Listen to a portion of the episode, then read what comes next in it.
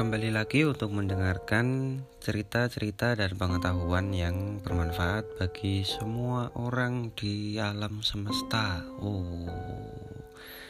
Untuk kali ini waktunya kita masuk ke segmen yang serius. Waktunya kita bahas pengetahuan yang luar biasa yang saya bakat yang saya dapat dari bacaan yang sudah saya baca dan kali ini saya ingin menjelaskan salah satu teori yang luar biasa berdasarkan uji coba dari ilmuwan. Ya, jangan seperti itu kan ilmuwan kan suka uji coba ya. Dan kali ini yang saya bahas adalah teori yang disebut dengan the behavioral sing. Gimana? The behavioral sing teori yang menyatakan bahwa overpopulasi akan membunuh spesies jika kelaparan tidak bisa membunuhnya. Eh, Puyang, paham? Oke, jadi saya ceritain dulu. Awalnya itu begini, awalnya begini. jadi ya suaranya harus diatur nih. Oke, waktunya serius. Yo, ya serius, serius. Oke. serius pada tahun 1972 ada seorang pengamat hewan bernama John Calhoun membuat sebuah eksperimen yang disebut Universe 25 apa? Universe 25 yaitu di sebuah ruangan yang dibikin kayak kota miniatur kota kecil gitu yang di situ ditaruh empat ekor tikus jantan dan empat ekor tikus betina. Eh ada 8 ekor ya yang empat cowok yang empat cewek. Yang di situ uh, seluas 3 meter. 3 kali 3 meter ya. Dan ya hmm, ini tuh tujuannya itu ingin uh, melihat bagaimana populasi itu berkembang biak dengan keberlimpahan sumber dayanya gitu loh. Maksudnya gitu. Jadi empat tikus cowok dan empat tikus cewek ini ditaruh di sebuah kandang yang seluas 3 kali 3 meter uh, dikasih makan yang melimpah ya terus kandangnya dibersihin tiap hari. Gitu terus gitu terus gitu terus. Dan pada akhirnya pada hari ke 560 populasi itu meledak menjadi 2200 tikus oh, bayangkan. Ya karena tadi kan makmur ya ta.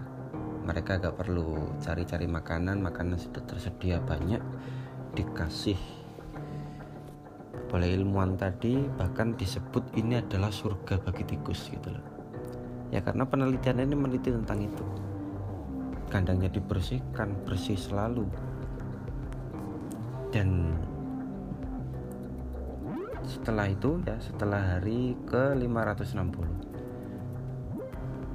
terjadi sesuatu yang tidak disangka oleh uh, pengamat ini yaitu pada akhirnya seluruh tikus itu punah. Apakah punahnya ini sebab kekurangan makanan? Tidak. Karena pengamat selalu memberikan makanan yang berlimpah. Apakah kepunahannya ini sebab penyakit? Tidak. Karena kandang ini bersih dibersihkan tiap hari bahkan kotoran pun langsung dibersihkan tiap hari. Apakah karena suhu apakah karena sinar matahari apakah karena predator seperti ular? Tidak. Semuanya tidak. Dan yang mengejutkan yang menyebabkan mereka punah adalah overpopulasi. Terlalu banyak populasi di sana. Dan sebenarnya yang menjadi akar daripada overpopulasi dan mengakibatkan mereka punah adalah perilaku saling membunuh. Nah, ini. jadi begini ya kan ini ceritanya kan ada empat empat sesepuh ya empat sesepuh putra empat sesepuh putri yang kita sebut sebagai delapan pendiri ya katakanlah seperti itu delapan sesepuh putra putri kakek nenek mereka kakek moyang mereka di kota impian ini terus akhirnya melahirkan melahirkan melahirkan sampai 2200 populasi pada akhirnya. Terus pada akhirnya mereka juga nggak kekurangan makanan bahkan terlalu melimpah. Tetap perilaku ini mengakibatkan tikus ini males oke paham ya? Tikus ini males nggak mau ke sana kemari dia cukup duduk dia cukup males-malesan dia cukup tiduran sudah ada makanan sudah tiduran ada makanan dan seterusnya. Tetapi overpopulasi ini kan mengakibatkan semacam hmm, apa ya kalau kita katakan itu hewan itu kan memiliki semacam daerah kekuasaan tertentu ya otoritas gitu ada semacam kekuasaan patriarki di sana hierarki siapa yang kuat dia yang yang menguasai. Dan sumber daya yang berlimpah itu pun diperebutkan oleh populasi yang meledak. Nah ketika populasi di suatu tempat itu populasi penghuni ya tikus itu tadi itu terlalu banyak. Dan juga diikuti oleh sumber daya yang terlalu banyak juga. Justru di sini akan mengakibatkan apa ya? Hmm, semacam gejolak sosial ya ini. Kok, kok aneh nih saya kalau pakai istilah gejolak sosial. Karena pasti ada oknum-oknum tikus ini yang merasa ingin menguasai secara total sumber daya yang ada gitu loh. Pasti ada yang merasa superior pasti ada yang merasa tertindas pasti ada yang merasa loh aku kok dapat sedikit? Loh kok dia kok dapat banyak? Akhirnya akan terjadi chaos gitu ya karena itu tadi mereka malas tetapi di sisi lain mereka ingin mendapatkan semuanya yang akhirnya akan berujung kepada kekerasan. Mereka akan menjadi agresif yang semula tempat itu awalnya diciptakan sebagai surga berakhir menjadi neraka karena sifat ragus sifat terlalu manja nggak mau berusaha nggak mau adil dan akhirnya overpopulasi ini mengakibatkan perebutan sumber daya yang pada akhirnya adalah terjadi tempat itu adalah menjadi neraka ladang pertempuran yang diisi tikus-tikus yang akhirnya memunahkan, mempunahkan, memusnahkan spesies mereka di sana hingga tidak tersisa satu ekor pun bayangkan jadi ini sangat menarik ya untuk dibahas karena bagaimanapun ini uh, percobaan yang bisa ditarik kepada konteks manusia pada sekarang gitu. Kalau kita lihat apa sih kayaknya tanah di Jepang? Nggak ada. Jepang itu bukan tanah yang kaya bukan tanah yang subur. Kalah jauh dengan Indonesia jauh tetapi bagaimana bisa? Kok negeri ini itu tidak pernah lepas dari konflik? Freeport gak pernah selesai gitu. tambang batu bara juga kayak seperti itu ya. Kayak gitulah. Saya gak menyalahkan siapa pun tapi ini realitanya seperti itu. Dan kita gak bisa apa melupakan fakta bahwa justru tanah yang subur itu banyak konflik. Ini sering dibahas di banyak buku. Buku-buku ya kayak Sapiens milik Eh, Harari itu kan menyatakan bahwa hmm, tanah yang subur itu justru paling banyak menumpahkan darah. Ya karena itu tadi perebutan sumber daya perebutan tanah yang subur perebutan air yang melimpah dan seterusnya justru akan mendatangkan bencana bagi pemiliknya dan yang menguasai tanah itu adalah tanah apa spesies atau golongan atau sekelompok manusia yang terkuat gitu loh. Justru tanah tanah negara yang enggak nggak apa nggak subur-subur amat itu justru lebih kreatif gitu loh. Tapi kalau tanah kita ya tanah kita Indonesia kan tanah kaya banget. Yang ya sebagian kecil ya membuat masyarakat kita itu males. Itu memang fakta. Dan yang seperti itu ya memang nggak nggak nggak se ekstrim masyarakat tikus ini sampai saling bunuh enggak. Cuma ini berimbas kepada kesejahteraan masyarakat itu sendiri. Dan apa yang disebut ah, apa yang disebut dengan the behavioral sing ini adalah menunjukkan bahwa yang membunuh manusia kalau tidak kelaparan ya justru kebanyakan sumber daya ini bisa ditarik di konteks sosial, so konteks masyarakat sekarang, konteks ekonomi bisa. Dan ini saya pikir teori yang sangat sangat menarik karena ya seharusnya kan itu tempat tadi surganya tikus itu kan benar-benar jadi surga kan karena ya itu tadi bersih semuanya difasilitasi gak kekurangan apa pun makanan berlimpah tapi kok malah membuat tikus itu punah gitu loh. Dan itu kadang saya berpikir bahwa ya sering kali kenikmatan itu justru menghancurkan kita gitu loh. Ya akui saja kalau teman-teman kita yang anaknya orang-orang kaya itu kan sangat dikit yang berhasil gitu ada berhasil ada. Oke ya. Banyak oke ya.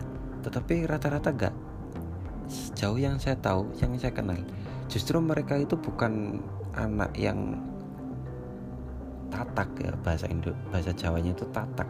Kuat secara mental secara intelektual bisa nyari duit sendiri.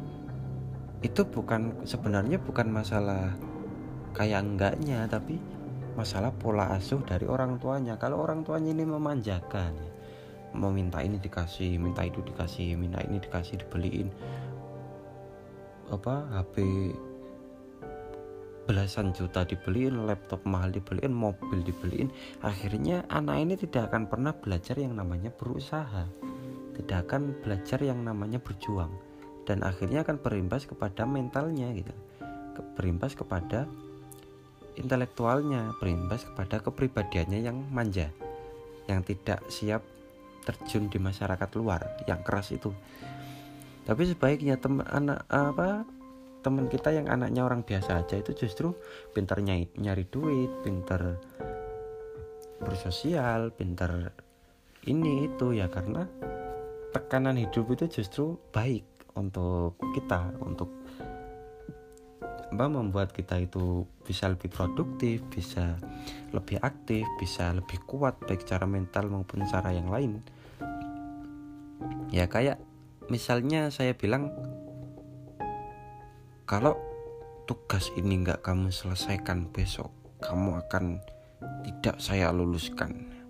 Ini kan ada tekanan gitu kan ada tekanan.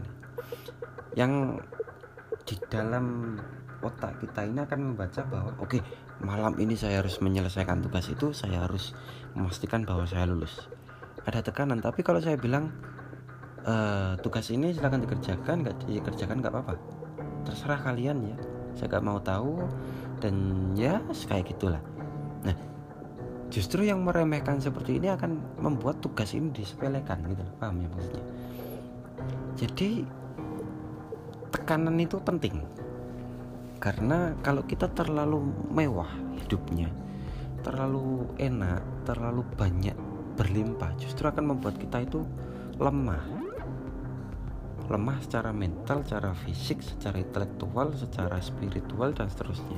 Kita akan manja dan manja ini akan berakibat kepada sesuatu yang tidak kita inginkan gitu Paham ya?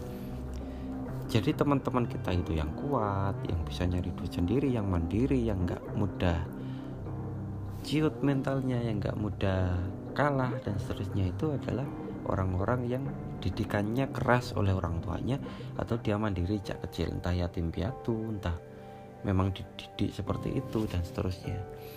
Tapi untuk teman-teman si kaya kita itu yang dimanjakan oleh orang, orang tuanya tiap kecil lihat aja prestasinya apa.